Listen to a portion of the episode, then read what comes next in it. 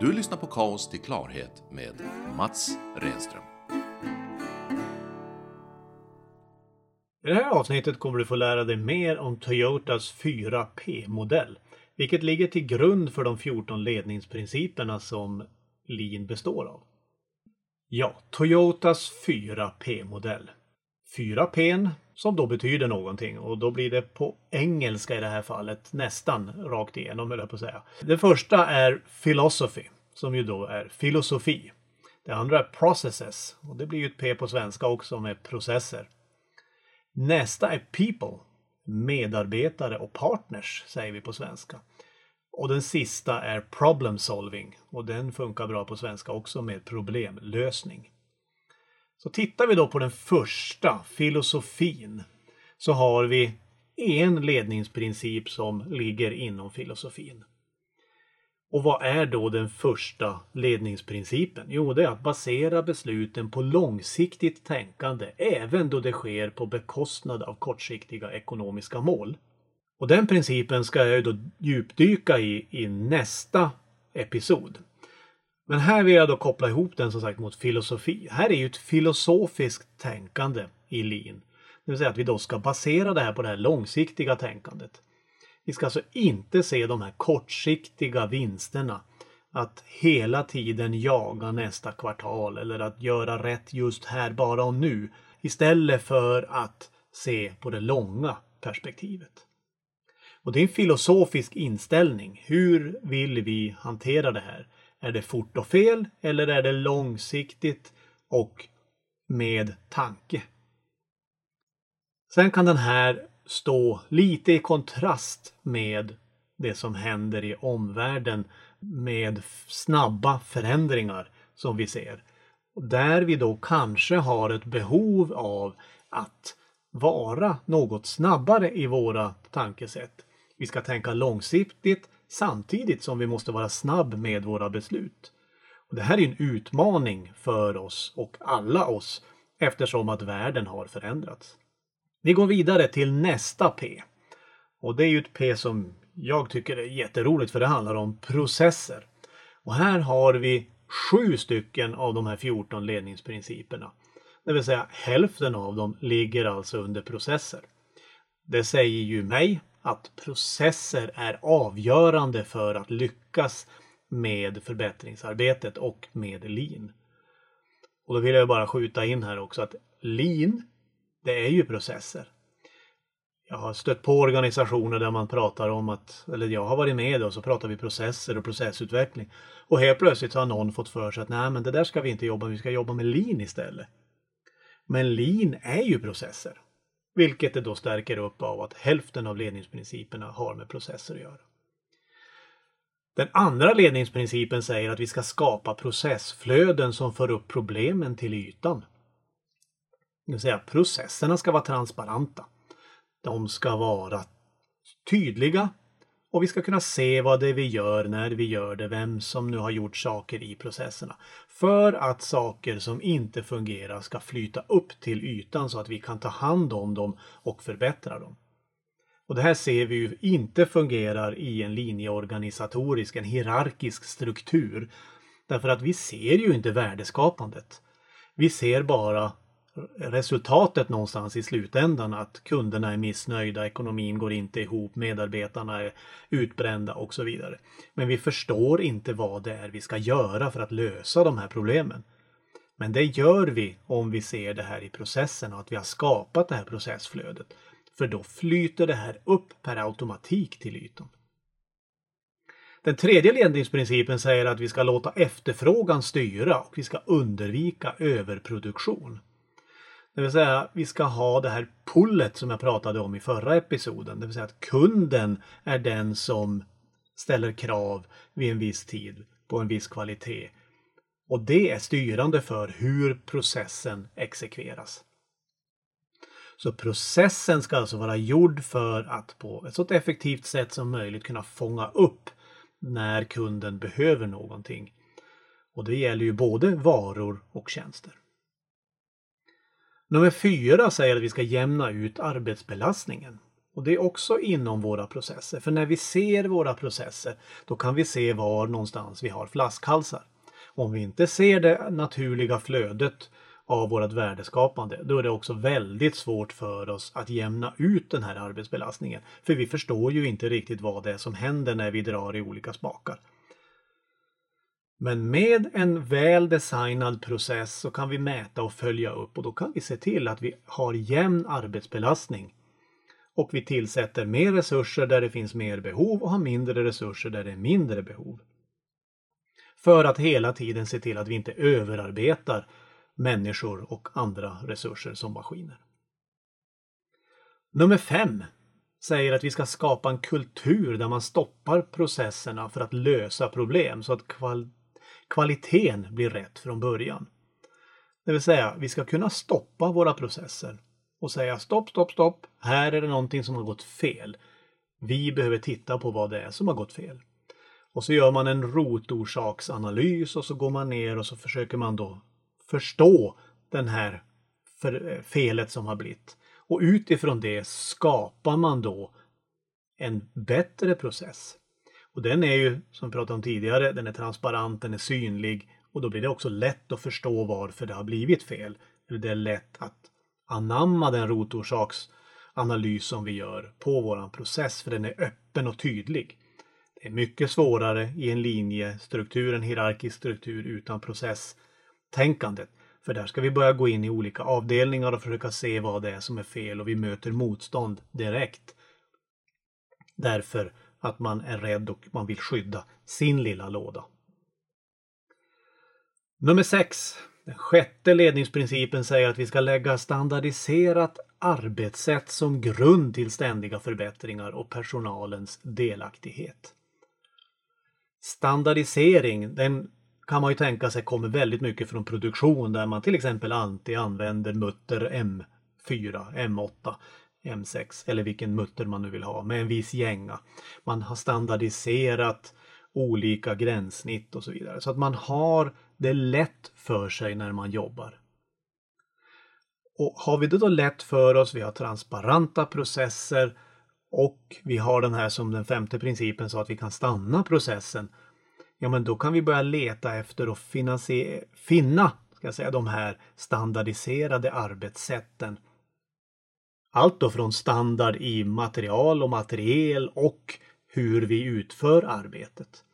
Och en process är ju repetitiv i sig själv, vilket ju innebär att om vi gör, om vi har planerat hur vi ska göra och vi gör som vi har planerat, då är vi standardiserad. För då spelar det ingen roll om det är jag eller någon annan som gör det här jobbet, för det blir lika bra oavsett vem det är.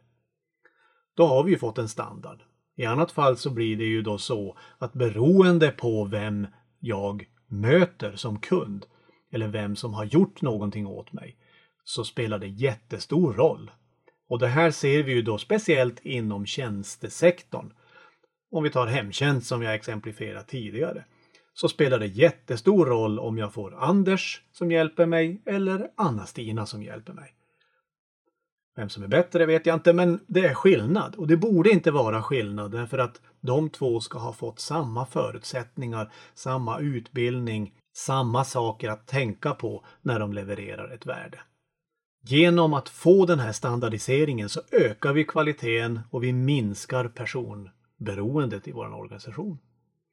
Nummer sju säger att vi ska alltid använda visuell styrning så att ingenting förblir i det dolda. Och det är ju mätning och uppföljning av våra processer med instrumentbrädor som talar om hur läget ser ut. Och då pratar vi transparens igen. Det ska vara enkelt att titta på processen och fråga sig om den fungerar eller inte. Det här kan ju vissa då tycka är besvärande eh, initialt om man börjar prata om det här i en organisation. Därför att man är inte van med att ha öppenhet. För att man är rädd för att få skäll för att man inte levererar vad man borde leverera.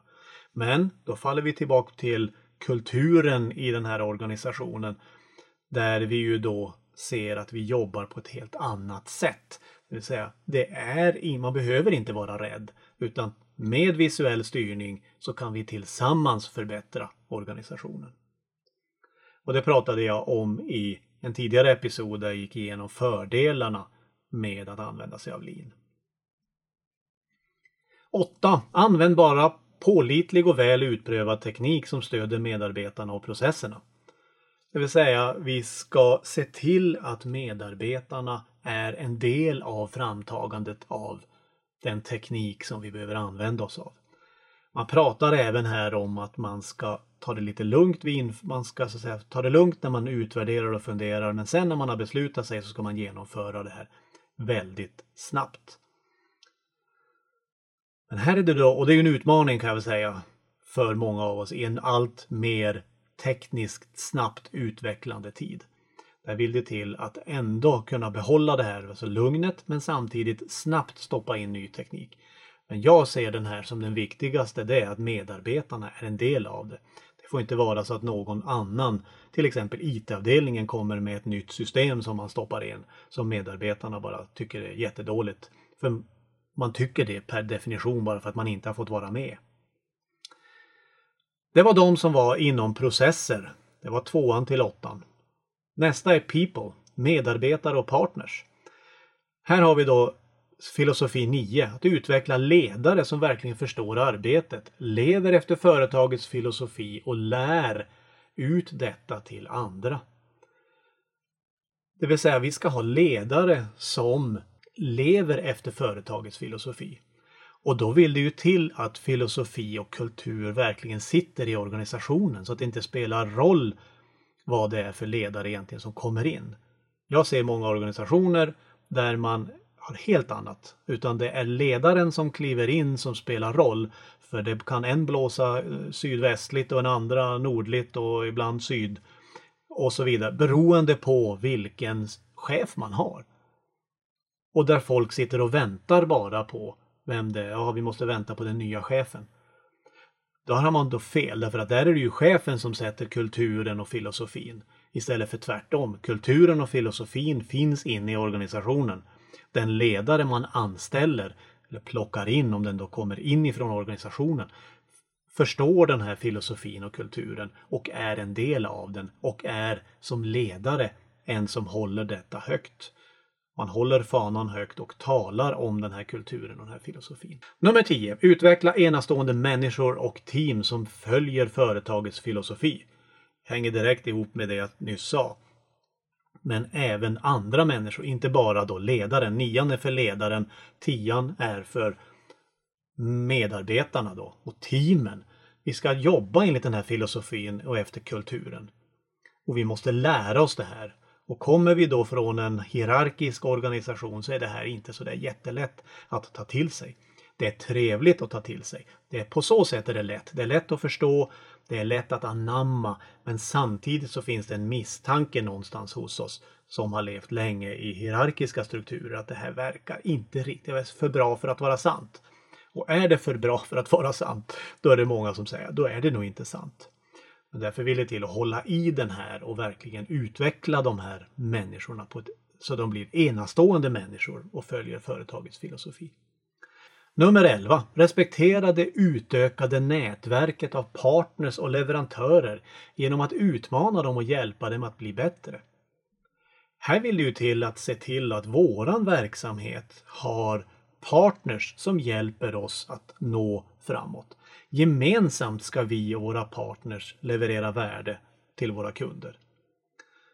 Här har jag sett många större företag som agerar väldigt kaxigt ut mot sina partners och trycker partnerna väldigt stenhårt. Man sänker priserna och man förhandlar stenhårt. Man har dåliga, jag säger dåliga förhandlings... Det är nog bra utifrån den synvinkeln, men det är dåligt för samarbetet dåliga förhandlingstaktik för att klämma åt sina partners. Istället för att jobba tillsammans med sina partners, för de är ju en viktig del av våra processer. Endast tillsammans kan vi leverera ett bra värde. Och om det går bra för våra partners, då är det bra för oss också. Det leder oss ut ifrån den här gruppen då, det P1, det tredje P1, People och in i det fjärde P som är då problemlösning. Och här har vi då 12, 13 och 14. 12. Gå och se med egna ögon för att verkligen förstå situationen. här är ett ledarskapsdel. Det vill säga när vi ska fatta beslut som ledare. Oavsett om vi nu är någon formell ledare eller informell ledare. Men när vi ska fatta beslut så måste vi gå ut och se efter själv i verksamheten.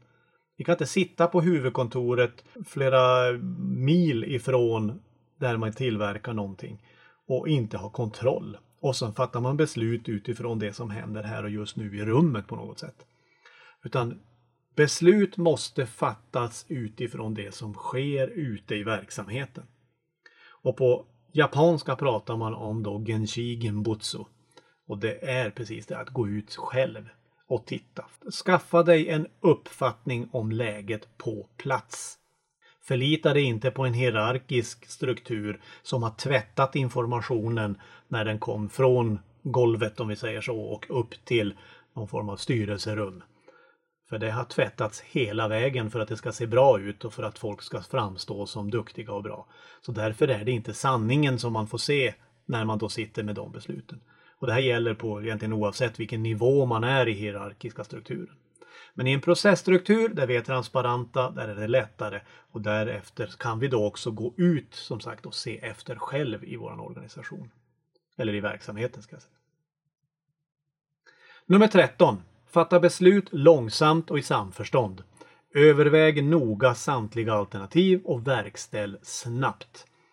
Den nämnde jag tidigare när vi pratade om teknik.